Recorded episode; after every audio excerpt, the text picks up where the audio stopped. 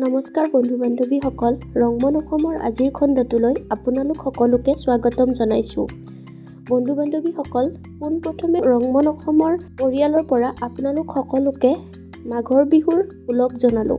উৎসৱ বুলি ক'লেই মনটো আনন্দৰে ভৰি পৰে। যিমান হতাশা দুখ কষ্ট আদি জীৱনত থাকিলেও যদি উৎসৱ এটি আহে আমাৰ মনটোত অকণমান শান্তি বা অকণমান ফূৰ্তিৰে জীপাল হৈ পৰে। এই অসমত ভোগালীৰ উৎসাহৰ সময় উৎসাহৰ সময়তে ভাৰতৰ বিভিন্ন দেশত এই ভোগালী সময়খিনিত আন আন উৎসৱেৰে মুখৰিত হৈ পৰে। যেনে অসমত ভোগালী বা মাঘ বিহু পাঞ্জাৱত লৰি কেৰালাত পংগাল আৰু ৱেষ্ট বেংগলত মকৰ সংক্ৰান্তি আদি নামেৰে এই সময়খিনিক পালন কৰা হয়। একেটা সময়তে এই সময়ছোৱাক বিভিন্ন নামেৰে মাঘৰ বিহুৱেই হওক বা পংগালেই হওক এই বিভিন্ন নামেৰে উৎসৱমুখৰ হৈ পৰে। বন্ধু বান্ধৱীসকল মাঘৰ বিহু বুলি ক'লে যিটো ভোগালীৰ আনন্দ সেইটোৱে মনলৈ আহে নহয় জানো? ভোগ মানে আমি বিভিন্ন খাদ্য সম্ভাৰেৰে ভোগ কৰোঁ বা ফূৰ্তি কৰোঁ। বন্ধু বান্ধৱীসকল আজি আপোনালোকৰ আগত মই দৰং জিলাৰ ভোগালী বিহুৰ কিছু বৈশিষ্ট্য আলোচনা কৰিম। সৰুৰে পৰা দৰঙৰ ভোগালী বিহু দেখি আহিছোঁ বা পালি আহিছোঁ বাবে মই আজি আপোনালোকৰ আগত দৰঙৰ বৈশিষ্ট্যসমূহ আলোচনা কৰিম।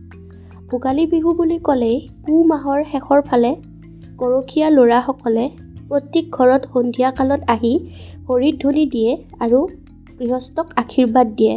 আশীৰ্বাদ এনেকৈ দিয়ে যে গোহালিত গৰু ভঁৰালত ধান পুখুৰীত মাছ বাৰীত তামোল পাণ আদিৰে যেন সকলোৰে ঘৰবোৰ ভৰি পৰে আৰু সকলোৰে জীৱন সুখ শান্তিৰে যাতে ভৰি পৰে। আগন্তুক ভোগালীয়ে যাতে সেনেকুৱা তেনেকুৱা সুখ শান্তি কঢ়িয়াই আনে সকলোৰে ঘৰত সেই উপলক্ষে এই হৰিধ্বনি দিয়া হয় আৰু এই আশীৰ্বাদৰ বিনিময়ত গৃহস্থই গৰখীয়া ল'ৰাসকলক অতি শ্ৰদ্ধাৰে মাননি আগবঢ়ায় আৰু সেই বৰঙণিৰে গৰখীয়া ল'ৰাসকলে উৰুকাৰ ৰাতি ভেলাঘৰত ভোজ ভাত খায়। এই হৰিধ্বনিৰেই দৰঙত মাঘ বিহুৰ বতৰা বা উৎসৱমুখৰ পৰিৱেশৰ সৃষ্টি হয়। পুহ মাহৰ শেষৰ ফালে তাৰোপৰি দৰং জিলাত বুলিয়েই নহয় সম সমগ্ৰ অসমতে ভোগালী বিহুৰ কাৰণে ভেলাঘৰ বা পুঁজি বনোৱা দেখা পোৱা যায়। নামনি অসমত ভেলা পুঁজি আৰু উজনি অসমৰ ফালে ভেলাঘৰ বুলি যিটো দেখা পোৱা যায়। ঠিক তেনেদৰে দৰং জিলাতো গাঁৱৰ ল'ৰাসকলে পথাৰত মিলি জুলি নৰা কাটি ভেলাঘৰ বনায় আৰু সেই ভেলাঘৰত ৰাতি সকলোৱে মিলি ভোজ ভাত খায়। ডেকা বুঢ়া সকলোৱে মিলি তাতে হাঁহৰ মাংসৰে হওক বা ছাগলী মাংসৰে হওক বা পাৰ মাংসৰে হওক সকলোৱে আনন্দ মনেৰে আহাৰ গ্ৰহণ কৰে।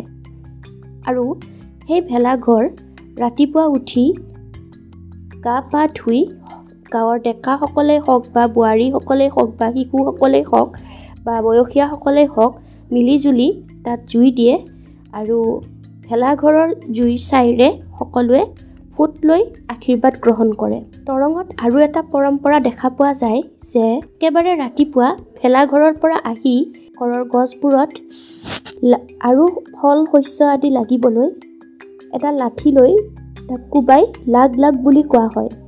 এনেকুৱা এটা লোকবিশ্বাস আছে যে তেনে কৰিলে আগন্তুক বছৰটোত এই গছবোৰে উপযুক্ত পৰিমাণে ফল মূল আদি প্ৰডিউচ কৰিব। বন্ধু বান্ধৱীসকল তাৰ পাছত দৰঙত আৰু এটি পৰম্পৰা দেখা পোৱা যায়। দৰঙৰ আন এটি বৈশিষ্ট্য হৈছে পিঠা চুঙা হয় পিঠা চুঙা দৰঙৰ বিহুৰ বাবে এক অবিচ্ছেদ্য অংগ। পিঠা চুঙা বুলি কওঁতে গম পাইছেই নিশ্চয় আপোনালোকে। বাঁহৰ চুঙাত বনি ধান বনি ধানৰ চাউল সোমাই তাক জুইত পোৰা হয় আৰু সেইটো এবিধ পিঠাই হয় সেইটো দৈ বা ক্ৰীম বা গুড়েৰে গ্ৰহণ কৰা হয়। আৰু দৰঙৰ এইটো এটা মূল খাদ্য হয় ভোগালীৰ কাৰণে। এই পিঠা চুঙাটো বিহুৰ আগদিনা মানে উৰুকাৰ দিনা গধূলি প্ৰস্তুত কৰা হয়।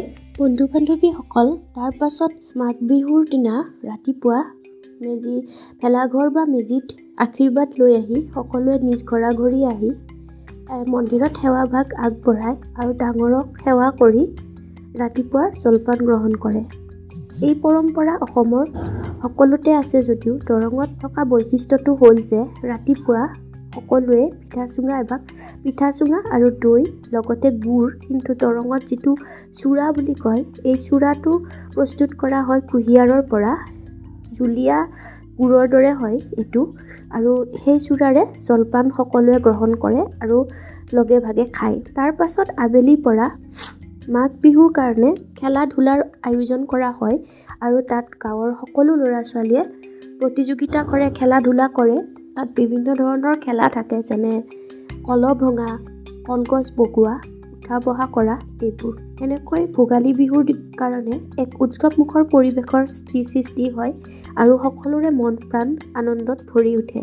বৰ্তমান কৰোণাৰ কাৰণেই হওক যি দুৰৱস্থা এই সমগ্ৰ বিশ্ববাসীয়ে ভুগিবলগীয়া হ'ল। তাৰ ফলস্বৰূপে ভোগালী বিহুৰ কিছু ফূৰ্তি যদিও ম্লান হৈছে কিন্তু ই কেতিয়াও কম নোহোৱা হৈ যাব নোৱাৰে। কাৰণ ভোগালী বিহুৰ যি ফূৰ্তি অসমীয়াৰ সেইটো এক আৱেগস্বৰূপ আৰু কৰোণাৰ কাৰণে হয়। কিছুমান আৰ্থিক দুৰৱস্থা আহিছে বা বস্তু বাহিনীৰ দাম বাঢ়িছে যাৰ কাৰণে হয়তো কিছুমান মানুহে বহুত ভোগালীৰ কাৰণে সামগ্ৰী বা যা যোগাৰ কৰিব পৰা নাই। তথাপি ভোগালীৰ উৎসাহ যেন কমি যোৱা নাই। যোনে যেনেকৈ পাৰে অলপ হ'লেও যোগাৰ কৰি নিজৰ পৰিয়ালটিৰ সৈতে আনন্দ কৰিছে। আজিলৈ ইমানতে সামৰি পুনৰ এক নতুন বিষয়বস্তু লৈ অহাৰ প্ৰতিশ্ৰুতিৰে পুনৰ এবাৰ ভোগালী বিহুৰ ওলগ জনাই আপোনালোক সকলোৰে পৰা বিদায় লৈছোঁ।